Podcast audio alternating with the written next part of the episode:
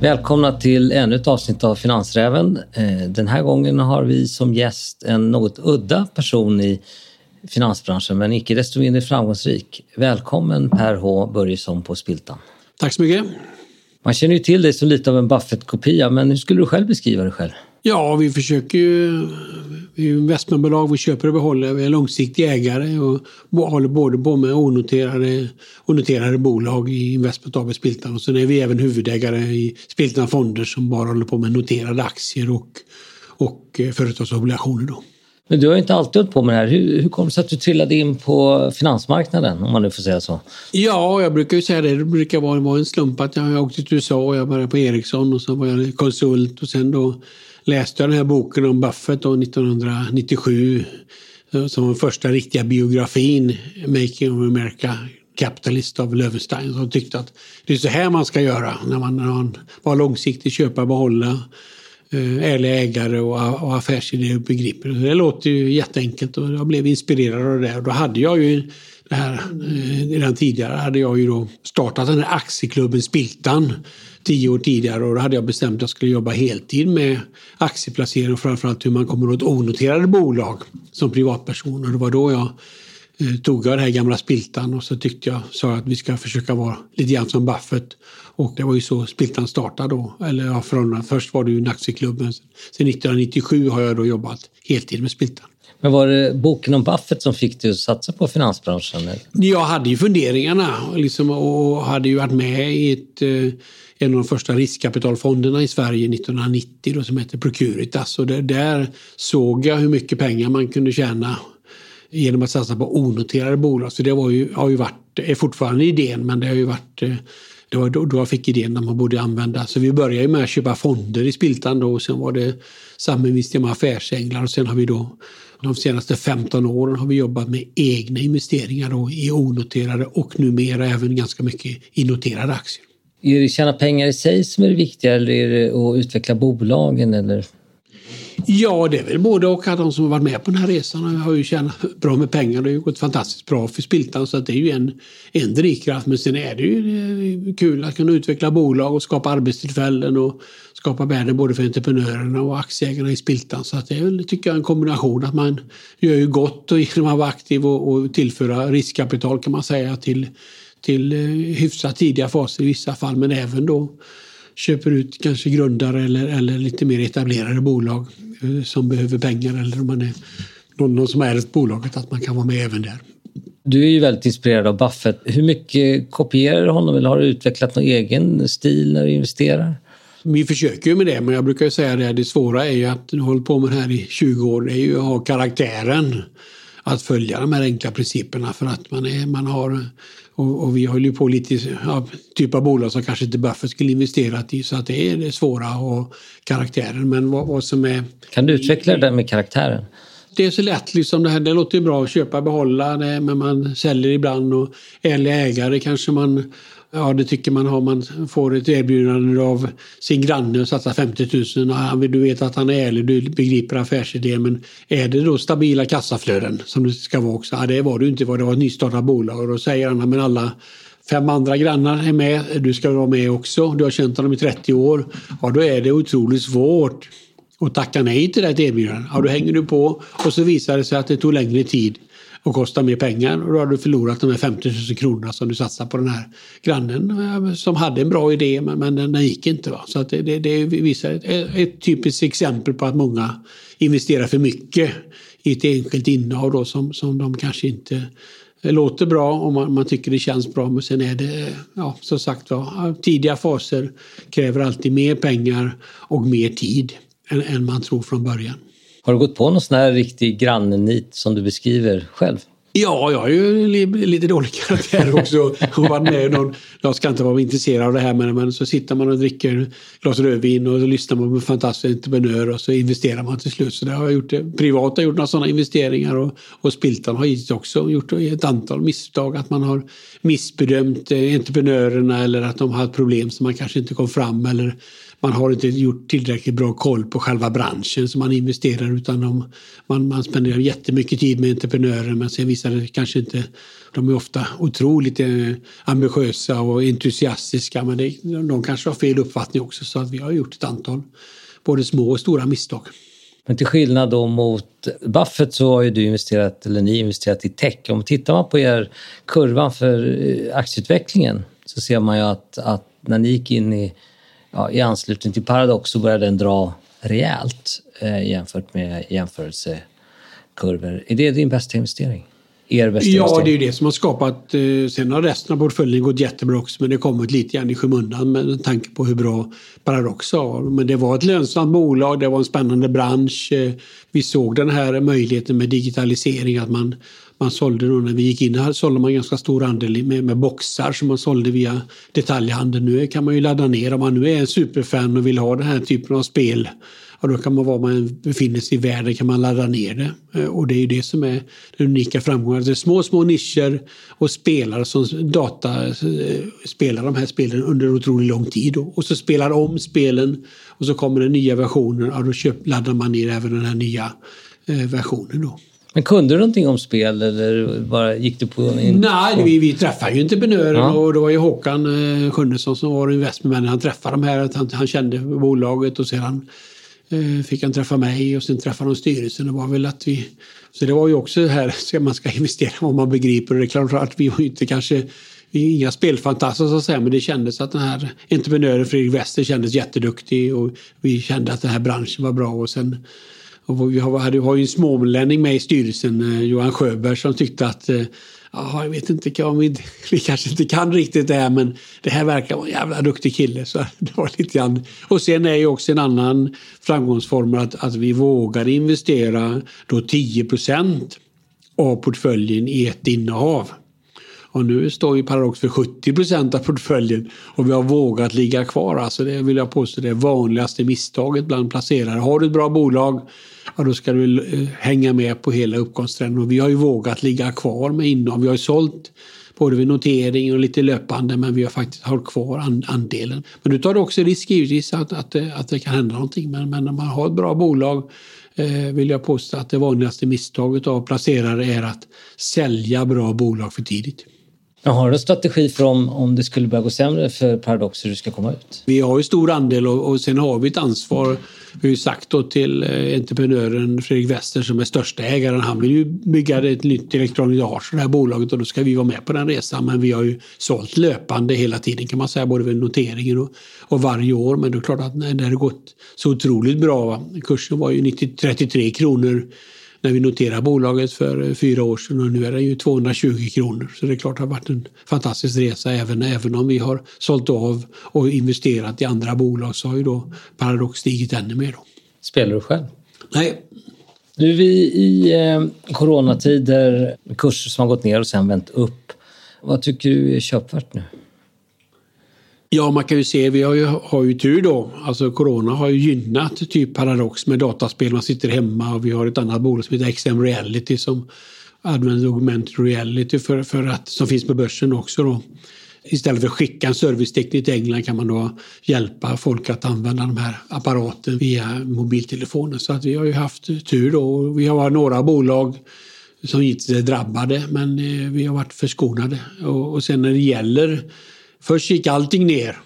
Sen har bolagen som har gynnats gått upp men nu verkar ju folk även senaste veckorna verkar, verkar ju folk även köpa typ Scandic Hotels och bolag som är drabbade för att de har sjunkit så mycket.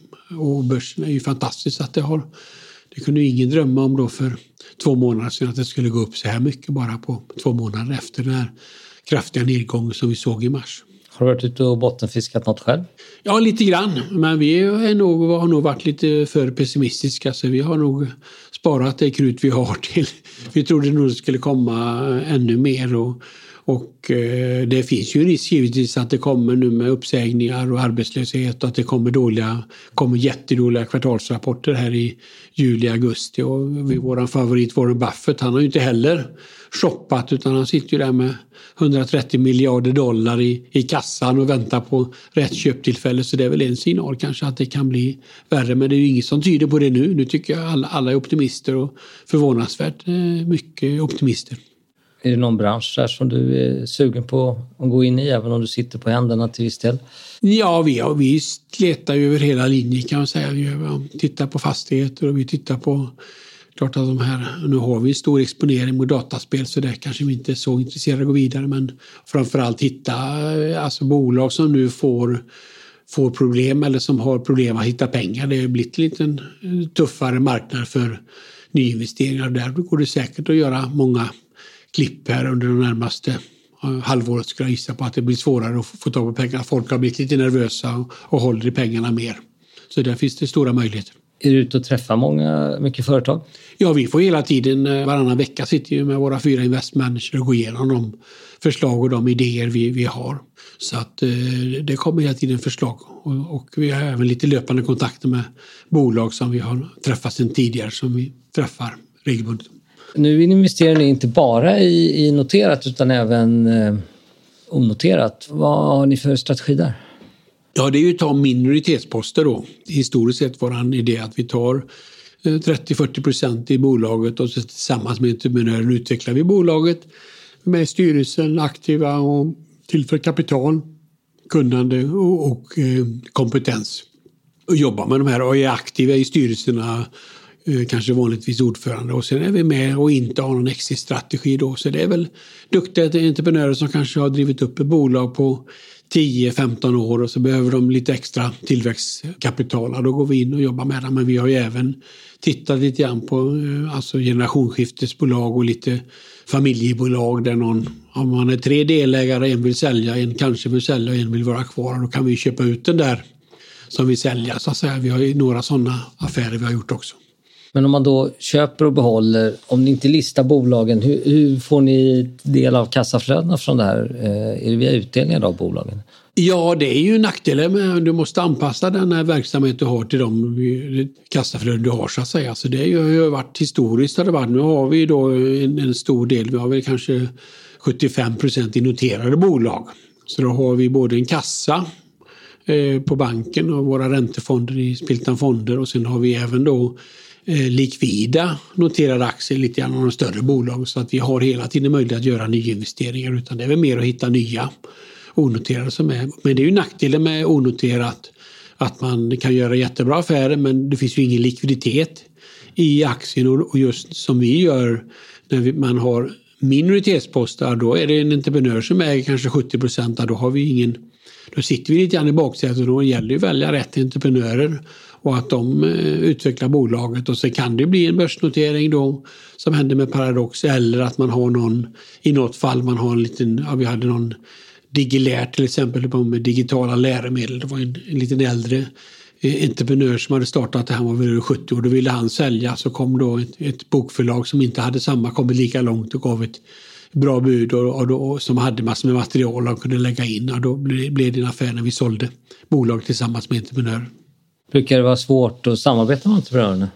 Nej, det, det, tycker jag nog att vi har haft bra relationer. Vi försöker väl vara hyfsat schyssta och liksom är kända för att vara inte alltför tuffa då kanske utan vi försöker ta, om det är emissioner försöker vi ta våran andel och så vidare. Utan det är väl, men sen har vi gjort några misstag där vi har missbedömt entreprenören och att de kanske inte var så duktiga eller de hade kanske problem. Och det har vi gjort några sådana misstag också givetvis. Att man, att man spelar mycket tid med entreprenören och, och och hans, hans förutsättningar. Men så kanske han har missbedömt branschen eller det kanske finns problem som vi inte har sett. Vi har gått på några sådana misstag. Ni har ju lite folklig framtoning i Spiltan. Det gör ni ingen hemlighet av. Hur har ni liksom blivit mottagna under den här, de här åren som ni har hållit på i finansbranschen? Ja, vi har ju varit lite rebeller. Nu är vi lite större så ja. det är lite svårare att vara för, för, för rebell så att säga. Men vi, vi startar ju som en aktieklubb och det är ju en kultur. Då ser du din aktieägare som partners, långsiktiga partners. Så det är ju den Det var ju vänner, bekanta och släktingar då från början och det har vi försökt bygga vidare på den. Vi har en jättetrevlig årsstämma, tyvärr inte i år då, men, men eh, som vi har, det har man då när man tar in sina vänner som aktieägare så det har vi byggt vidare på. Så att vi har väl en, en annan, kanske annan profil och är mer långsiktiga. Och, och, men framförallt vi ser våra aktieägare som partner. Det ska vara lite kul. Vi skickar ut eh, en, en årsredovisning till exempel fortfarande till alla aktieägare och vi skickar ut en bok om vår historik och vi försöker kommunicera via mail så vi är ju aktiva mer än, än de flesta andra. Börsbolag skickar ut en lapp där de säger att eh, om du inte gör någonting så får du ingen mer information om oss. Så lägger de årsstämman på någon dagen innan midsommarafton kanske. Så det ska vara så lite folk som möjligt. Men vi försöker verkligen ha en trevlig och lägga det upp på en lördag till exempel. Man kan även komma från andra delar av, av eh, Sverige för att komma till vår stämma. Handel med aktier den, den sker ju bara en gång i månaden. Kan du berätta till bakgrunden till det? Ja, det är ju en marknadsplats som vi själva startar då, som heter Alternativa eh, listan och nu är det en del av något som heter Peppe som även håller på med emissioner. Så att det var ju bakgrunden att man får ju faktiskt, när man inte har så många aktieägare, då får man ju bättre likviditet när man handlar, man samlar handeln. Så det var ju idén från början och då har vi ett antal vi har väl ett 30-tal bolag som handlas på det sättet. Så att, och då får man mer långsiktiga ägare. Man får inga börsrobotar och man får inga eh, spekulanter utan man får ju långsiktiga ägare. Det följer med det. Eh, att du får den ägare man vill ha och sen är det då lägre kostnader. Eh, lägre informationskrav och det är lägre kostnader att handla på det sättet så vi har ju sparat mycket pengar på det. Men sen är det nackdelen är då att det är lite man får vara lite mer aktiv och man får, måste liksom passa de här tidpunkterna vi handlar och sen ofta vi kanske glöms bort nu med, om man jämför med börsen har ju en tiotal investmentbolag och då är det bara när vi nu är ett onoterat investmentbolag kanske det enda, jag är troligtvis enda i Sverige som är onoterat, då kommer vi inte med på när man, man jämför investmentbolag till exempel. Så det är väl en, en nackdel med, med, att vi inte är med på, ja, typ PR-mässigt är det lite nackdel då kanske. Men vi har ju varit duktiga på det ändå så att säga.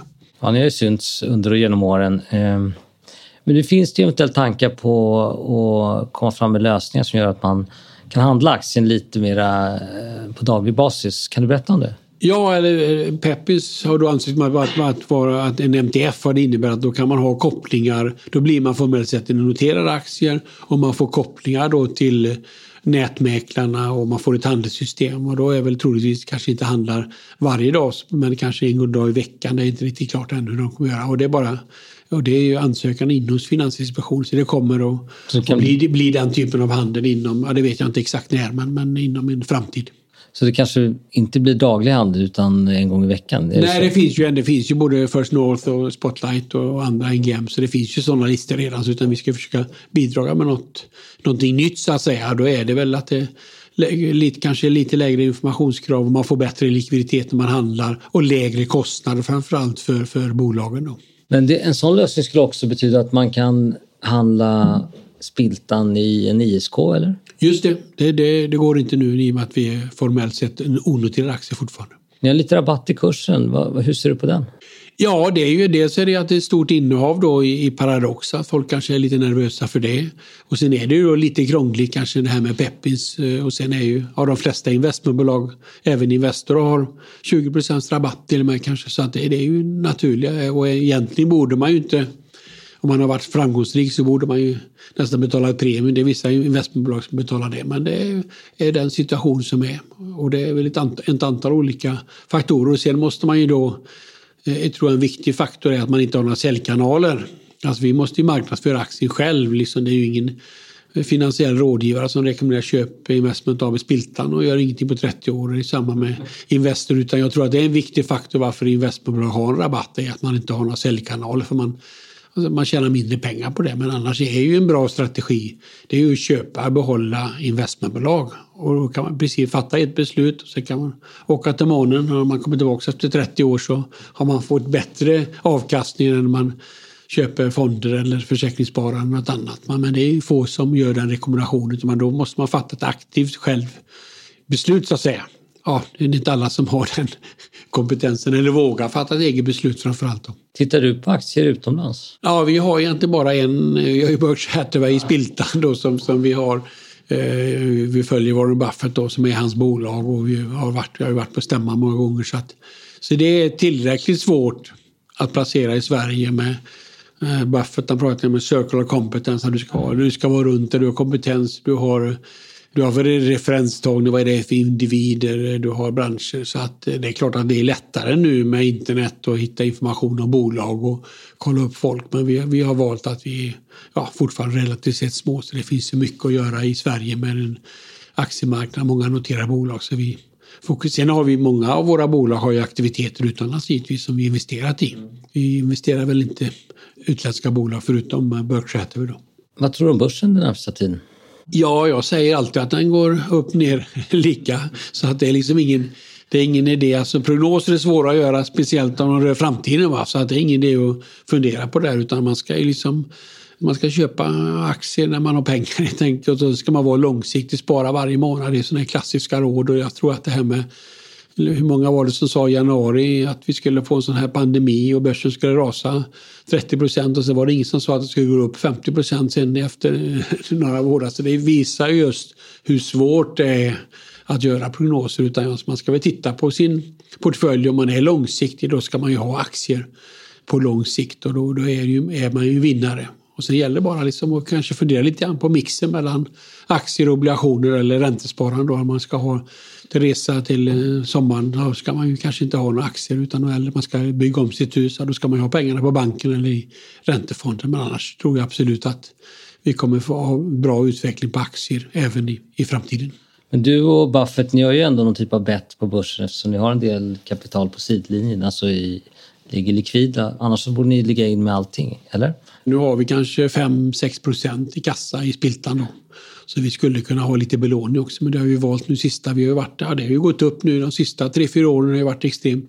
Har man alltid tyckt att det varit högt värderat, men sen har det gått upp ännu mer. Och det är ju det här att uh, there is no alternative. Det finns inget alternativ. Att folk eh, uh, låga räntor, nu är det alla de här stimulanspaketen, då ökar ju fastigheter, aktier och realtillgångar och då är det klart att det inte varit något alternativ. Och då är klart att men samtidigt kommer det, ja det visar ju då det här, den här nedgången vi hade i mars då framförallt att det var, kan ju komma något sånt igen då.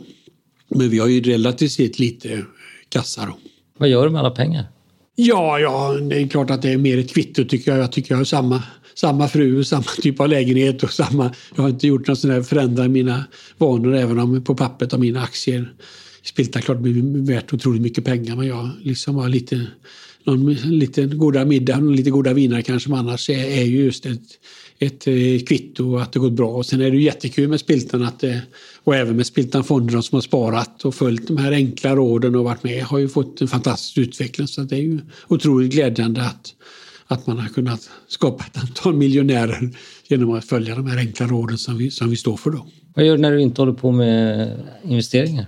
Ja, jag håller ju på med, vi har ju en hund som ute går promenad, lite promenad på morgonen Man får hålla sig igång och sen läser jag ju mycket men det är klart det är mycket facklitteratur med någon annan bok och eh, ja, nu har det ju varit lite lugnt med den här pandemin. Jag har varit hemma, eh, ätit god mat och ett glas vin men jag har inga sådana jätteintresse utan jag tycker om att koppla av genom att läsa.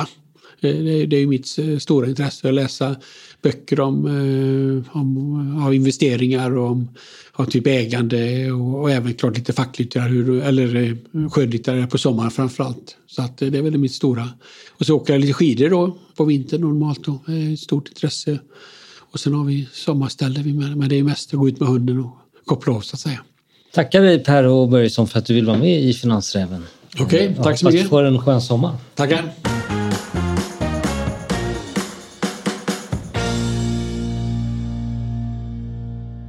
Finansräven har ännu en gäst idag och det är Per Teike, VD för Selling Impact.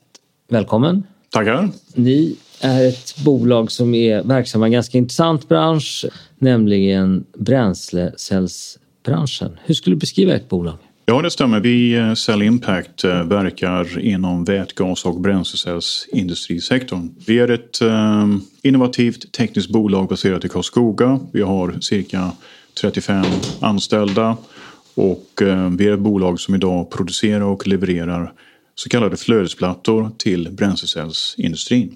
De här flödesplattorna de är en kritisk komponent i bränslecellen Och vi har en unik teknik som vi använder för att eh, producera den här som lovar bra skalbarhet och låga kostnader på sikt när vi väl kommer igång med produktion i stora volymer. Men ni är igång nu eller? Det är vi. Därför att eh, den här bränslecellssektorn består av eh, dels det som är här och nu och det är ju bolag då som producerar och levererar bränsleceller till den så kallade materialhanteringssektorn.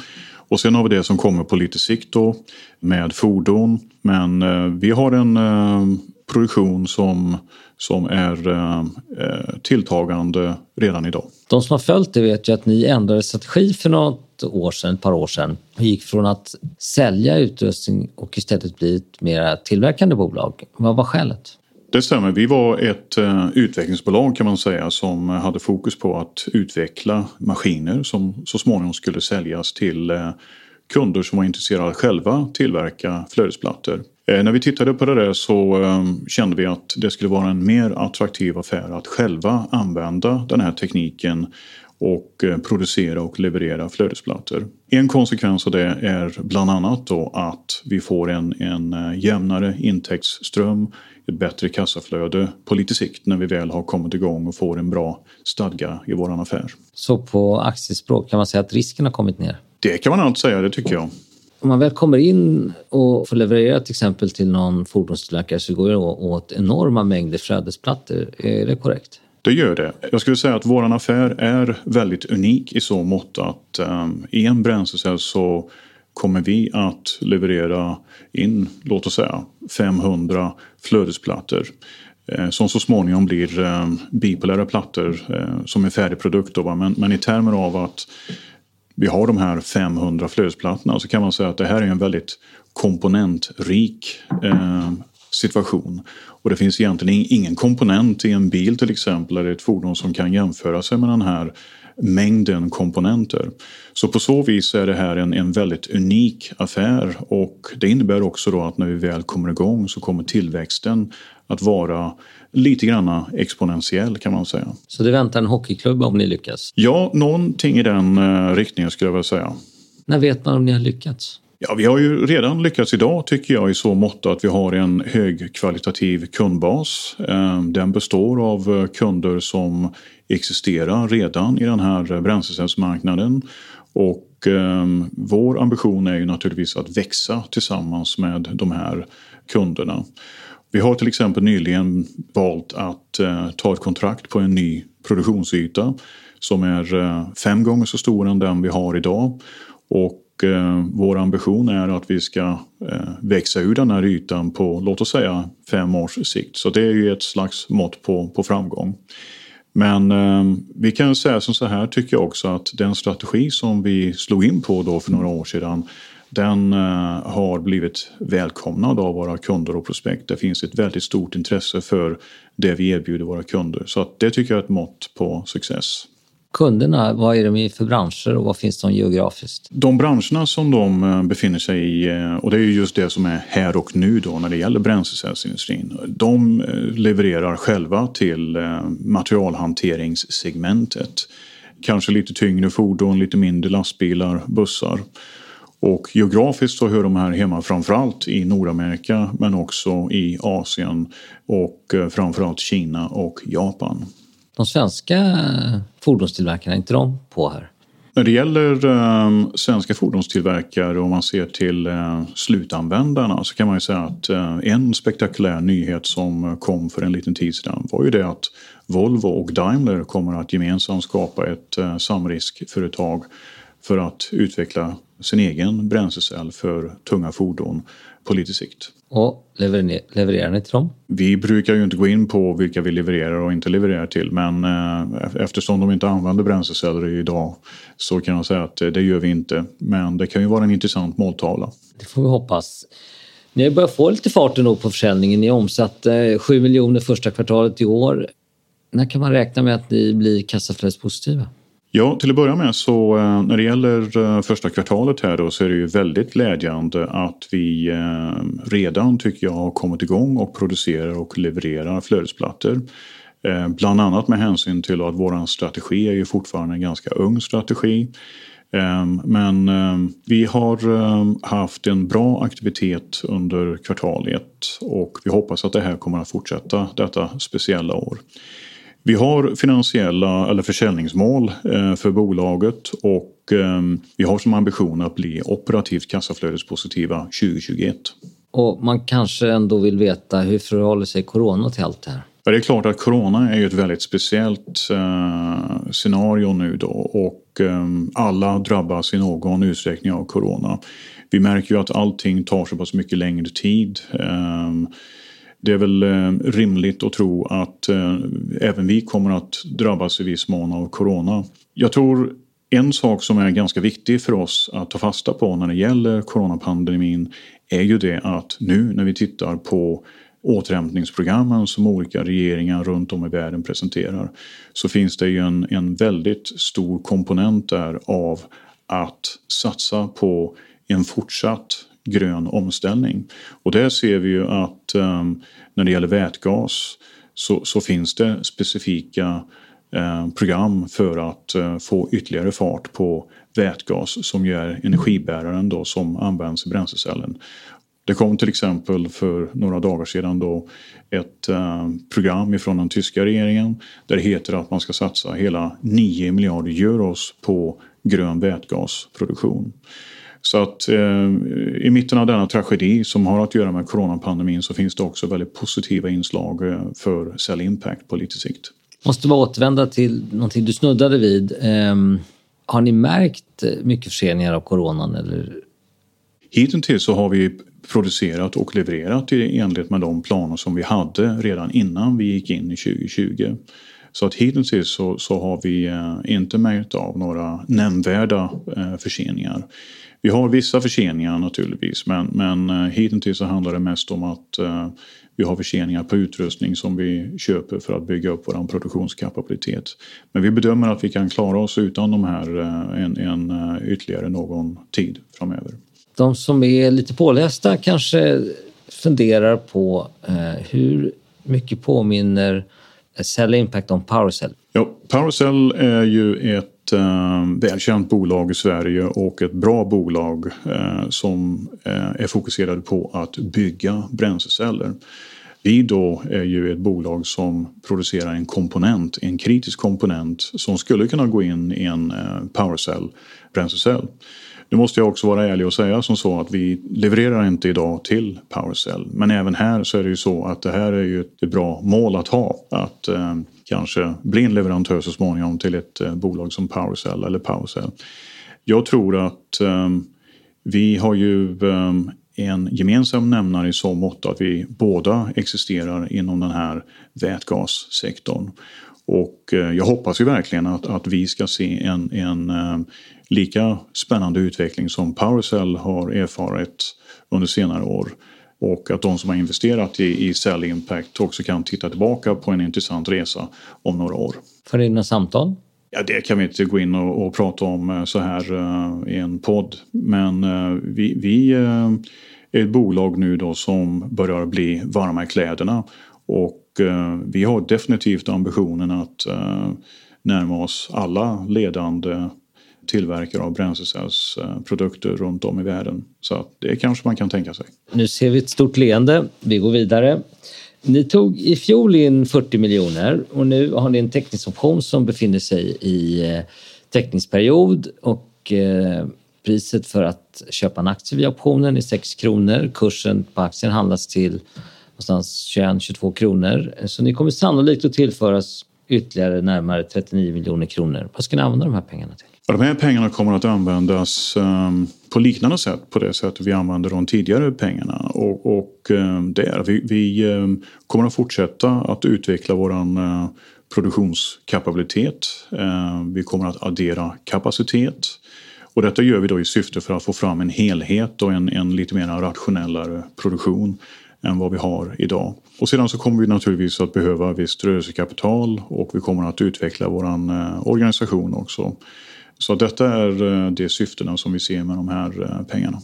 De som då inte har investerat i aktien utan kanske är intresserade, vad, vad kan man förvänta sig att Cell Impact är för sorts aktie? Jag tror att vi ska tänka på Cell Impact som ett eh, spännande teknikbolag som har en, en väldigt intressant tillväxtresa framför sig.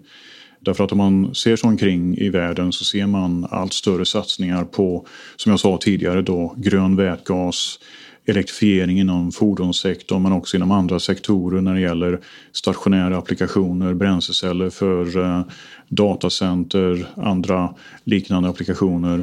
Det här eh, är någonting som är stadd i ett väldigt gott momentum just nu och det är min och vår bedömning att det här är en, eh, en tillväxt som kommer att fortsätta in i framtiden med ett ännu starkare momentum. Spännande avslutningsord där från Per Teike. Vi tackar dig för det här samtalet och önskar lycka till. Tackar.